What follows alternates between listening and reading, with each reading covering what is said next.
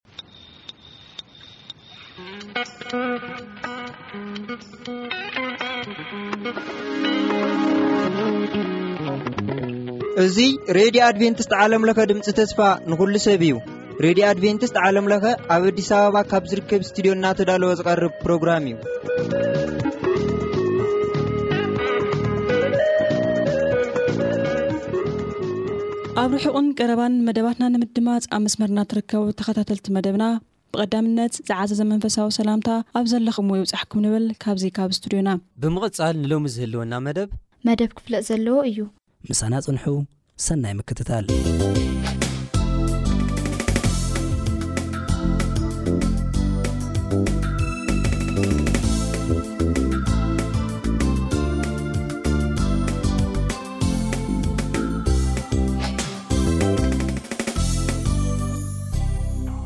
ሰላም ኣምላኽ ንዓኻትኩም ይኹን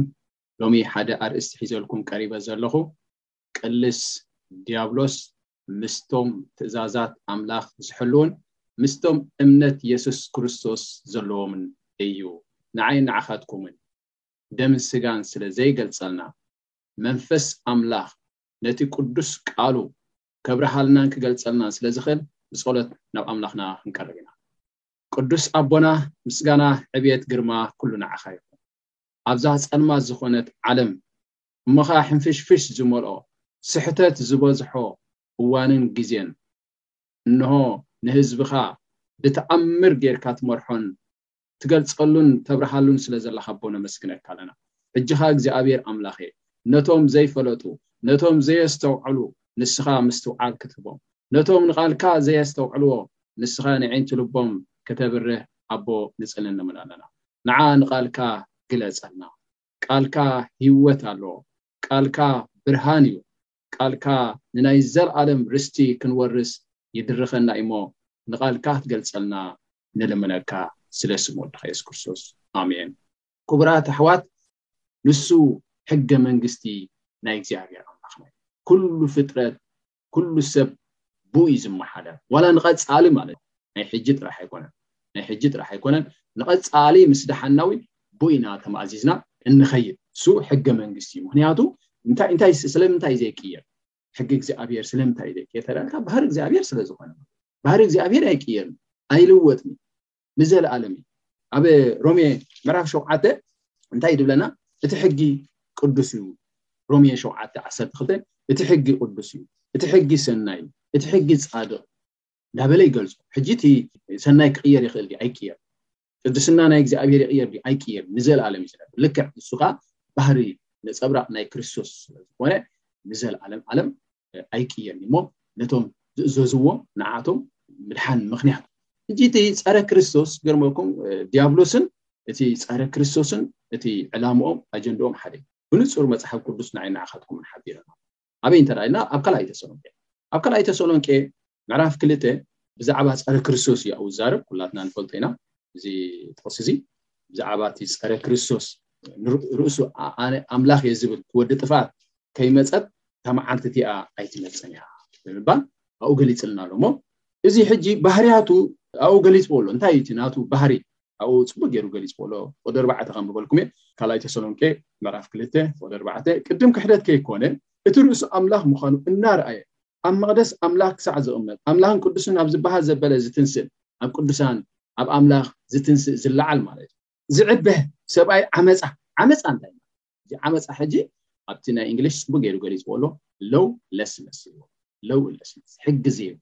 ሕጊ የብሉን እዚ ጸረ ክርስቶስ ማለት እዩ ሕጊ ናይ ክርስቶስ ኣየኽብርን ዓመጻ ትብል ቃል ከነስምረላ ይግባኣና እቲ ወዲ ጥፍኣት ከይተገልጸ እታ መዓልቲ እቲኣ ኣይትመጽን የማ ብዝኾነ ይኾነ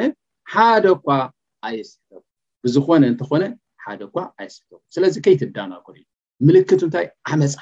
ዓመጻ እንደገናኻ ናይ ጥፍኣት ኣባዶን ኢልዎ ኣሎ ኣብቲ ናይ ራእይ ዮሃንስ ምዕራፍ ትሽዓተ ኣባዶን ኣባዶን ማለት መጥፍኢ ማለት እዩ መብረሲ እዚ ፀረ ክርስቶስ መጥፍኢ ደኣ እምበር ሰብ ንክድሕን ሰብ ንክቅደስ ሰብ መንግስተ ሰማያት ንክኣቱ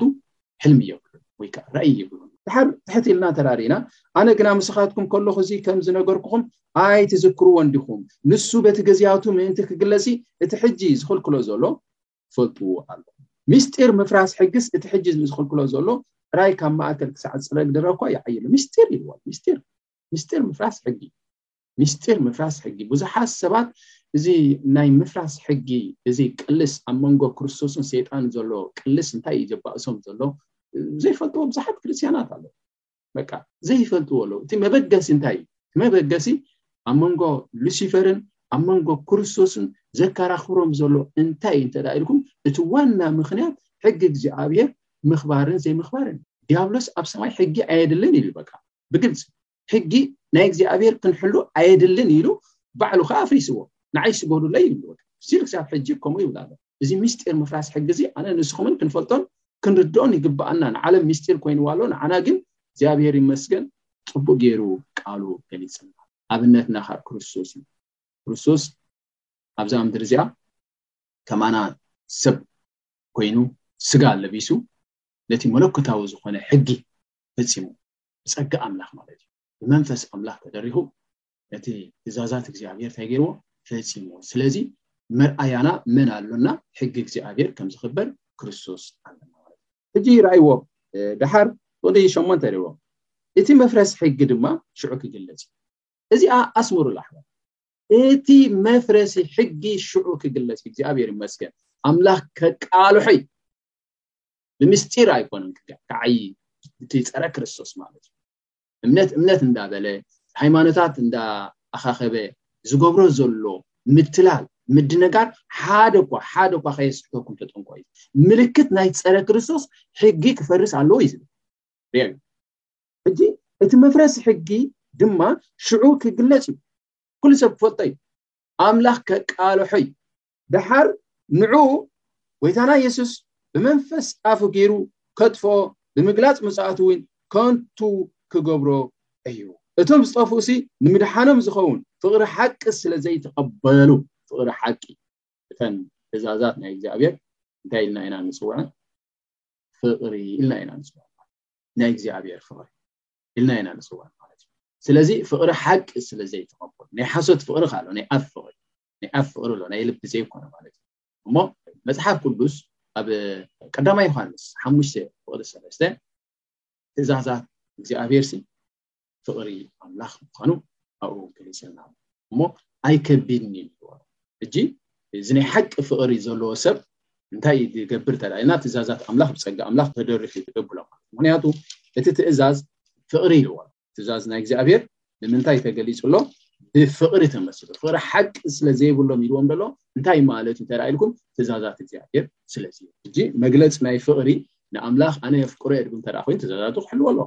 ወንጌል ዮሃንስ 14 15 ርኣይዎ እተፍቅሮ እንተኾንኩምሲ ትእዛዛተይ ሓሉ ይብለና እንድሕር ደይነፍቅሮ ተኮይና ትእዛዛት እንዳፍረስና የሱስ የሱስ ኢልና ንኽድ ማለት እዩ ድሕር ነፍቅሮ ተኮይና ኸዓ ብፀጋ ኣምላኽ ተደሪኽና ብእምነት ብየሱስ ክርስቶስ ትእዛዛቱ ክንሕሉ ይግብኣና ማለት እዩ እሞ ኣብ ቀዳማይ ዮሃንስ ሓሙሽተ ፍቕዲ ሰለስተ ከንብበልኩም እየ ፍቕሪ ንኣምላኽ ከኣ ትእዛዛቱ ክንሕሉ ሕጂ ኣፋዊ ዝኾነ ፍቕሪ የሱስ የፍቅረካ ኢልካ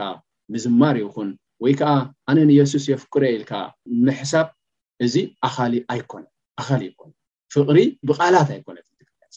ናይ ፍቕሪ ቋንቋ ተግባር ተግባር ይሓዋ ብኣፍና ኣይኮናን ንየሱስ ነፍቅሮ ብተግባር እቲ ትእዛዛት ኣምላክ ክንሕሉ ከለና ግብረ መልሲ ማለት ግብረ መልሲ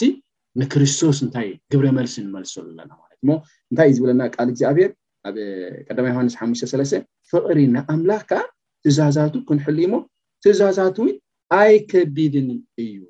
ኣይከቢድን እዩ ማለት እዩ ብርቱዕ ኣይኮን ዓሰርተ እንተን ትእዛዛት እግዚኣብሔር ነዘን ዓሰርተ ትእዛዛት እዚኣተን ከዓ ብፀጋ ኣምላኽ ክንሕልወን ከለና ንዓና ፎኪስ ይቀልል እዩ ብዘይ ፀጋ ኣምላኽ ሓልዎ እንተዝብለና እወ ክብድ ይብለና እዩ ማለት ይኸብደና እዩ ግን ነቲ ትእዛዛት ኣምላኽ ንክነተግብሮ ሓይሊ ስለ ዝወሃበና እንታይ ፎኪስ እዩ ቀሊል እዩ ማለት ካልእ እቲ ትእዛዛት ኣምላኽ ክንሕሉ ከለና እንታይ ኢልና ኣለና ንኣምላኽ ፍቕሪ ማለት እዩ ንኣምላኽ ተፍቅሮ ከም ዘለኻ ምልክት እዩ እሞ ፍቕሪ ሓቂ ትብል ስለ ዘይትቐበሉ ኢልዋ ደሎ ኣብ ካልኣይ ተሰሎንቄ ሰለስተ ናብኣ ኢና ክንምለስ ፍቕሪ ሓቂ ስለ ዘይትቐበሉ ኣፋዊት ዝኾነት ፍቕሪ እዮም ዘሎ እቶም ዝጠፍኡ ማለት እቶም ዝጠፍኡ ፍቕሪ ሓቂ ስለ ዘይትቐበሉ ንዓቶም ናይዚ ሰይጣን እዚ ኣማፃፅኣ እንታይ ብኩሉ ጥበራ ብኩሉ ዓመጻ ምዃኑ ካብኡ ኣብሪሁልና ኣሎ። ደጊምና ውን ከነንብቦ ኢና ፍቕዲ ዓሰርተ በጺሐ ዘለኹ ካልኣይ ተሰሎንቄ ክልተ ፍቕዲ ዓሰርተ እቶም ዝጠፍኡሲ ንምድሓኖም ዝኸውን ፍቕሪ ሓቂ ስለ ዘይተቐበሎ ናይ ሓቂ ፍቕሪ ማለት እዩ ንኣምላኽ ምፍቃር ማለት ትእዛዛቱ ምሕላው ማለት እዩ ካልእ ዋላ ሓንቲ ካልእ ዋላ ሓንቲ ምክንያታዊ ተኽቶም ጽፍኩም መጽሓፍ ቅዱስ ዋላ ተፈተሽኩም ንኣምላኽ ምፍቃር ማለት ትእዛዛቱ ምሕላው ማለት እዩ ንኣምላኽ ምፍቃር ማለት ምዝማር፣ ኣምልኾ ምግባር፣ ምስጋድ ገለ ካልእ ካልእ ኣይኮነን። ንኣምላኽ ምፍቃር ማለት ትእዛዛቱ ምሕላው እዩ ድማ ዘሎ ማለት እዩ። ደሓር እቶም ዝጠፉሲ ንምድሓኖም ዝኸውን ፍቕሪ ሓቂ ስለ ዘይተቐበሉ ንዓቶም ናይዚ ኣመጻጽኣ ብኹሉ ጥበረ ዓመጻ ብኹሉ ሓይልን ትእምርትን ተኣምራትን ሓሶትን ብሓይሊ ሰይጣን እዩ ዝኸውን ጅምልክት ይብልና ኣሎ ሓደ ተኣምራት ይልብሉ ተኣምራት ርኢና ዲና ንሕና ንየሱስ ንስዕቦ ቃል ኣሚንና እምነት ካብ ምስማዕ ምስማዕ ኸ ካብ ቃል ኣምላኽ እዩ እምነት ካብ ተኣምራት ኣይኮነ ዋላ ካብ ሰማይ ሓዊ ዘይብሉ ምንም ቅጭጭ ኣይብለንን ኣነ ወገነ ኣነ ዝኣምኖ እዚ ቃል እዩ ልዕሊ ዝኾነ ይኹን ኣነ ዝኣምኖ እዚ ቃል እዩ እስኹም ከዓ ልዕሊ ዝኾነ ይኹን ክትኣምንዎ ዝግብኣኩም ቃል እዩ ስለዚ ሰይጣን እንታይ የምጽእ ኣሎ ሰብ ኣንፈቱ ናብ ናይ ተኣምራት ንክገብር ኣብኡ እምነቱ ንክህልዎ ማለት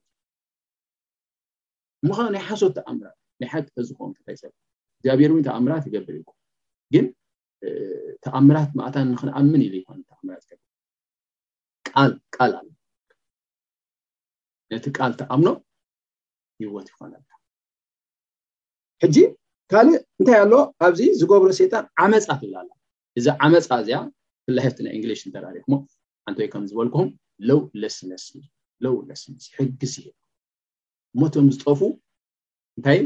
ፍቅሪ ሓቂ የብሎም ሓደ ዓመፃ ኣለዎ ክልተ ሳልሳይካ ትእምርቲ ሓሶት እዮም ዝስዕቡ ማለት ትእምርቲ ሓሶት እዩ ሕጂ እዚ ሓደ ኣብነት ኣለና እንደገና ንኣምላኽ ምፍላጥ ማለት እንታይ ማለት ኣነ ንኣምላኽ ፈልጠ ኢልካ ሓደ ሰብ ብኣፉ ንኣምላኽ ፈልጠ ኣነ ንየሱሰይ ይፈልጠ ብኣፉ ከምኡ ስለ ዝበለ ፈሊጥዎ ማለት እዩ መፅሓፍ ቅዱስ እንታይ ይብለና ምልክት ኣለዎ ድዩ ንኣምላኽ ምፍላጥ ማለት እዩ መፅሓፍ ቅዱስ ብንፁር እንታይ ይብለና ንኣምላኽ ምፍላጥ ማለት ከ ትእዛዛቱ ምሕላው ማለት እዩ መጀመርታ ዘይትፈልጦ ነገር ክተፍቅሮ ይትኽእል መጀመርታ ክትፈልጦ ኣለካ ንየሱስ ምፍላጥ ማለት ከ ትእዛዛቱ ምሕላው ማለት እዩ ትእዛዛቱ እንድሕር ዘይትሕልዎ ተኾንካ ግን ካልእ ፈሊጥካ ኣለካ ማለት እዩ ካልእ ተቆፃፂርካ ኣሎ ማለት እዩ ካልእ መራሒ ጌርካ ኣለካ ማለት እዩ ዝኾነ ይኹን ሰብ ንጎይታናን መድሓይና የሱስ ክርስቶስ ዘይእዘዝን ዘይግዛእን እንተደኣ ሃልዩ ካልእ ገዛኢ ገይሩ ኣሎ ማለት ካልእ ጎይታ ገይሩ ኣሎ ማለት ካልእ መራሒ ገይሩ ኣሎ ማለት እሞ መጽሓፍ ቅዱስና ኣብ ቀዳማይ ዮሃንስ ምዕራፍ ሰለስተ እንታይ እዩ ዝብለና ኡ ምዕራፍ ክልተ ፍቕሊ ሰለስተ ንሕና ትእዛዛቱ እንተ ሓሎና ከም እንፈልጦ በዚ ኢና እንፈልጥ እጂ መለለይት ይብልና ሓደ ንየሱስ ክርስቶስ ከም ነፍቅሮ ትእዛዛት ኣምላኽ ብምሕላው ንፈልጥ ንየሱስ ክርስቶስ ከም እንፈልጦ ከም እንፈልጦ ካ በቲ ትእዛዛቱ ንፈልጥ ድሓር ፍቕዲ ኣርባዕተ ካ መልሹ ኣነጺርዋ ነታ ፍቕዲ ሰለስተ ሲ ኣብ ፍቕዲ ኣርባዕተ ካ መሊሹ ካ እንታይ ገይርዋ ኣብሪህዋ ኣነ እፈልጦ እየ ዝብል ንትእዛዛቱ ከዓ ዘይሕልዎ ንሱ ሓሳዊ እዩ እቲ ሓቂ እውን ኣብኡ የላን እቲ ንቓሉ ዝሕሉ ግና ፍቕሪ ኣምላኽ ብሓቂ ኣብኡ ትፍጸም ኣብኡ ከም ዘሎናኻ እዚ ኢና ስለዚ መረጋገፂ ኣለና ማለት እዩ እሞ ኣነ ንስኹምን ንመን ንእዘዝ ኣለና ንመን ንኽብር ኣለና ክንፈልጥ ይግባኣና ሴጣን ነቲ ሽም ናይ የሱስ ክርስቶስ ይጥቀመሉ ይጥቀመሉ ገርመኩ ቤተ ክርስትያናት ሽም ናይ የሱስ እንዳተጠቐማ ንየሱስ ግና ኣይግዛእና ንየሱስ ግና ኣየኽብርኦን ኣሎ ንየሱስ ግና ኣይእዘዝኦን ኣሎ ማለት እዚ ዓይነት ህይወ እዚ መወዳእታ ፋይዱ ኮንቲ ድኻም ድኻም ዕንክሊል ትብል ኣለኻ ማለት እዩ ፃዕሪ ኮንቱ ፃዕሪ ኮንቱ ማለት እዩ ትእዛዛት ኣምላኽ ምሕላው ግና ንየሱስ ከም ትፈልጦ ንዑ ከም ተፍክሮ እዩ ዝገልፀና እሞ ፀረ ክርስቶስ ኣብ ትንቢት ዳንኤል ምዕራፍ ሸውዓተ ከም ዝሕብረልና ንሱ ነቲ ሕጊ ከፍርሶ ከም ዝህቅንን ኣተንቢሂልና እዩ ኣቐዲሙ ማለት እዩ ነዚ ዘለናዮ ግዜ ኣብ ዳንኤል ምዕራፍ ሸውዓተ ፍቕዲ ዕስራን ሰለስተን ክሳብ ዕስራን ሓሙሽተን እዚ ፀረ ክርስቶስ ምስቶም ቅዱሳን ከም ዝዋጋእን እንደገና ከዓ ነቲ ሕጊ እግዚኣብሄርካ ከም ዝልውጦ ወይ ከዓ ከም ዘፍርሶ ኣንፈት ሂብና ኣሎ ካብዚ ኣነ ንስኹም ክንርዳእ ይግባኣና እዩ ብሓቂ እሞ እስኪ ከምብበልኩም እየ ንሱ ከዓ ከምዚ ኢሉ ተዛረበ እቲ ራብዓይ ኣራዊት ካብ ኩለን መንግስታት በይና ዝኾነት ዓይነታ ራብዐይቲ መንግስቲ ኣብ ምድሪ ክትከውን እያ። ንኹላ ምድሪ ክትውሕጥን ክትረግጽን ከተጥፍእን እያ። እቶም ዓሰርተ ኣቕርንትኻ ካብዛ መንግስቲ እዚኣ ዓሰርተ ነገስታት ክትንሱ እዮም። ድሕርዚ እዚኣቶም ድማ ካብቶም ቀዳሞት በይኑ ዝኾነ ዓይነቱ ካልእ ክትንስእ ንሰለስተ ነገስታት ከውርዶም እዩ። ኣብቲ ልዑልካ ናይ ትዕቢት ቃል ክዛረብ ነቶም ናይ ልዑል ቅዱሳን ድማ ከጽንቶም እዩ። እዚ ኣብ ካታኮምቦ ዝተፈጸመ እቲ ጸረ ክርስቶስ ነቶም ክርስትያናት የሳዶም ነይሩ። እቲ ዛንታ ንፈልጦ ኢና ናይ ካታኮምቦ። ብዙሓት ክርስትያናት ተሰይፎም እዮም። ሓምሳ ሚልዮን ዝኣኽሉ ክርስትያናት ገሊኦም ብሓዊ ገሊኦም ብገደል ብዝተፈላለየ መቸም ስለ ክርስቶስ ኢሎም ተሰይፎም እዮም። ዝሓይሽ ትንሳኤ ምእንቲ ክረኽቡሲ ንህይወቶም እንታይ ገበርዋ? ኣየፍቀርዋን ኣየፍቀርዋን ሕጂ እዛ ንእሽተይ ቅርኒ ኢልዋ ዘሎ ምስታ ናይ ካልኣይ ተሰሎንቄ ምዕራፍ ክልተ እቲ ንርእሱ ኣነ ኣምላኽ እየ ዝብል ኣብ ልዕሊ ኣምላኽን ቅዱሳን ዘበለ ዝትንስእ ዝዕበ ወዲ ጥፍኣት ኢልዎ ዘሎ ነዛ ንእሽተይ ቅርኒ ሓደ ትርጉማን ማለት እዩ እዚ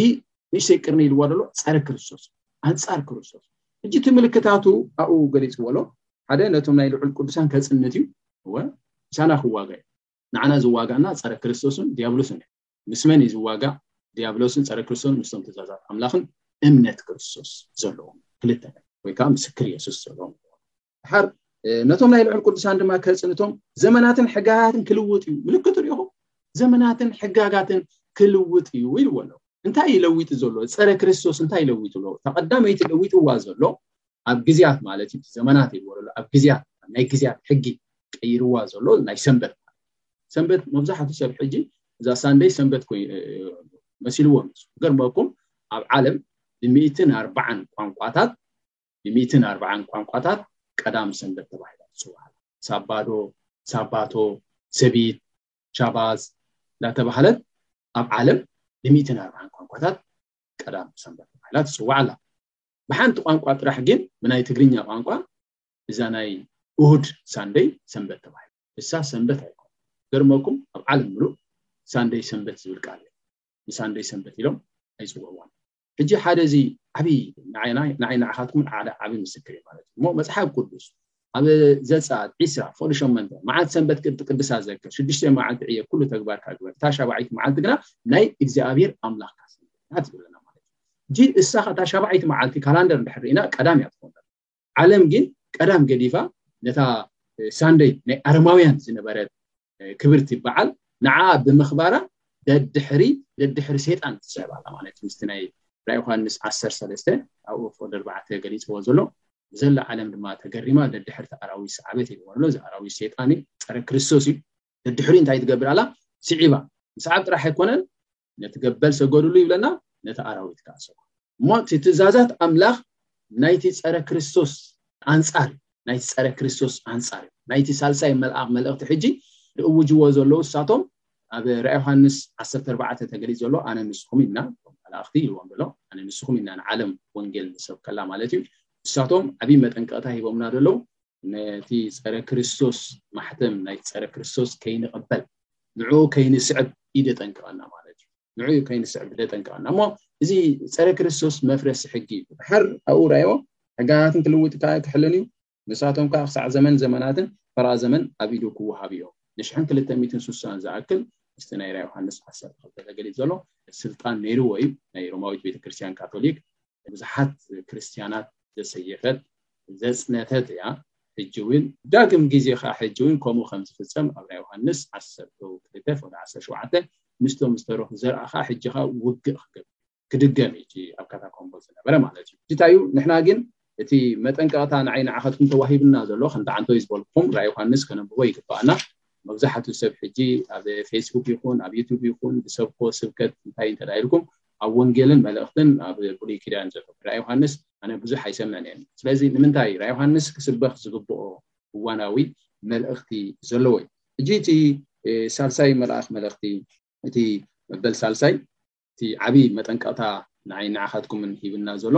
ከንብበልኩም እየ ፍቕዲ ትሽዓተ ማለት እዩ ራእይ ዮሃንስ ዓሰርተ ኣርባዕተ ፍቕዲ ትሽዓተ ካልእ ሳልሳይ መልኣኽ ድማ በሎም ብብርቱዕ ድምጺ ከም ዝነበረ፣ ሓደ'ኳ ነዚ ኣራዊት እዝን ንምስሉን እንተ ሰገደ፣ ኣብ ግንባሩ ወይስ ኣብ ኢዱ ማሕተም እንተ ተቐበለ፣ ንሱ ድማ ካብቲ ኣብ ጽዋዕ ቁጥዑ ብዘይ ምሕዋስ ዝተቐድሐ ወይኒ መዓት ኣምላኽ ክሰቲ'ዩ፣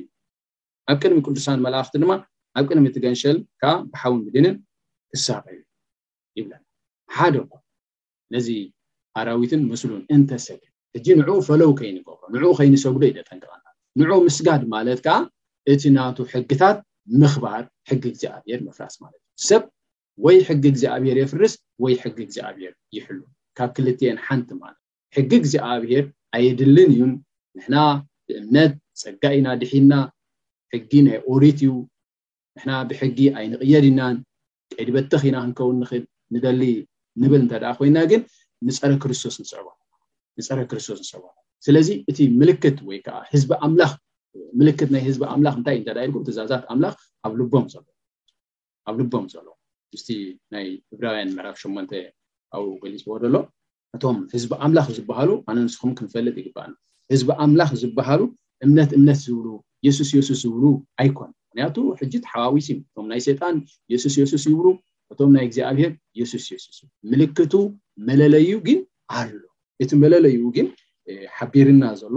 ዕብራውያን ሸሞንተ ወደ ዓሰርተ ከንብበልኩም እየ ድሕሪተን መዓልትታት እያ ምስ ቤት እስራኤል ዝኣትዎ ኪዳን እዚ እዩ ንሕጋጋተይ ኣብ ሓሳቦም ከእትዎ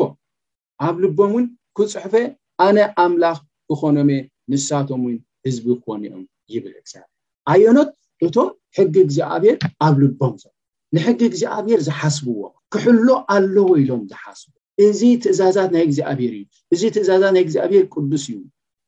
ንዓና ንሰናይና ኢሉ ዝተሓገገ እዩ፣ ንዓና ንጽቡቕና ኢሉ ዝተሓገገ እዩ፣ ስለዚ ክነተግብሮ ኣሎና ኢሎም ዝሓስቡ እዚኣቶም ህዝበይ ክኾኑ እዮም ኢልዎም። ኖእ ሕጊ ኣየድልን እዩ ንዝብሉ ኸኣ ንሳቶም ዓመጽቲ፣ ዓመጽቲ መንግስተ ሰማያት እዮም። ዓመጽቲ ማለት መፍረስቲ ሕጊ ማለት እዩ። መፍረስቲ ሕጊ መንግስተ ሰማያት ኣይኣት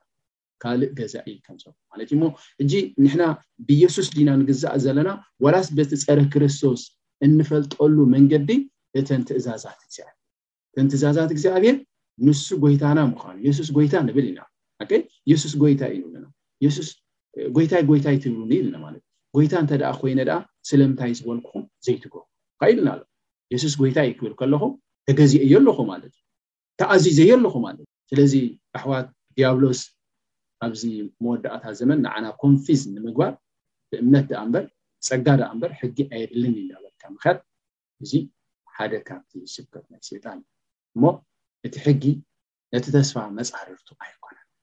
ሕጊ ምስ ጸጋ መጻርርቲ ኣይኮነን ሕጊ ምስ ወንጌል መጻርርቲ ኣይኮነን መሳርሕቲ ደኣ እምበር ይወሃሃዱ ደኣ እምበር ወንጌል ሕጊ ኣፍርስ ኢሉ ኣይሰብኽን ጸጋ ሕጊ ከነፍርስ ላይሰንስ ወይ ፍቓድ ኣይህበናን ወንጌል ይኹን ጸጋ ይኹን መንፈስ ቅዱስ ይኹን ሕጊ ክሕሎ ከም ዘለዎ እዮም ንዓይና ይሓትኩም ዝሕብሩና ማለት እሞ እግዚኣብሔር ይባርኩም ኣሕዋት ኣነ ንስኹምን ኣዒንትና በሪሁ ተስፋ ፅውዑ እንታይ ምዃኑ ኣስተውዒልናን ተረዲእናን መንገድታትና ንፁር ኮይኑ ንየሱስ ክነፍቅሮ ክንእዘዞ እግዚኣብሔር ይደግፈን እግዚኣብሔር ይባርኩም ስለ ዝነበረና ሰዓትን ግዜን ጸሎትና ኣፅና ቅዱስ እግዚኣብሔር ኣቦና ምስጋና ክብሪ ዕብየት ኩሉ ንዓኻ ይኹን ወኣቦ እዚ ብርሃን እዚ ስለ ዘብራህካልና እዚ ጸጋ እዚ ስለ ዝሃብካና ነመስግነካ ኣለና ወእግዚኣብሔር ድያብሎስ ካብቲ መንገድታትካ ክንዝንብል ትእዛዛትካ ማእታን ከይንሕልዎ ትእዛዛት ኣየድልን እዩ እዚ ናይ ኦሪት እንዳበለ ሕሹኽ ዝብለና ዘሎ ከንቱ ምዃኑ ሓሳብ ድያብሎስ ኣነ ንኣሕዋተይን ክንፈልጥ ኣነጺርና ክንርእን የዒንቲ ልቦናና ፈጠረልና። ንዓኻ ክነፍቅረካ፣ ንዓኻ ክንእዘዘካ፣ ንስኻ ኣብ ልዕሌና ክትጎይትት፣ በቲ እስኻ ዝበልካና መንገዲ ክንመላለስ ጎይታ ደግፈና። ኣብዚ መወዳእታ ዘመንዚ ብዘላ ዓለም ተገሪማ ደድሕርቲ ኣራዊት ከም ትስዕብ ኢኻ ትነግረና ዘላ። ወጎይታ ኣነን ኣሕዋተይን ካልኦትን ኩሎም ህዝብና ንዓኻ ክፈልጥ እግዚኣብሔር መንገድታትካ ክማራጽ ንዕንቲ ህዝብና ንስኻ ክበል ንዕንቲ ልቦናና ንስኻ ክበል ብንጹር ክንመላለስ ንዓኻ ክነፍቅረካ ጎይታ ደግፈና ንሰምዑ ኩሎም እዚ በረኸትካ ስደደሎም ስም የሱስ ክርስቶስ ኣሜን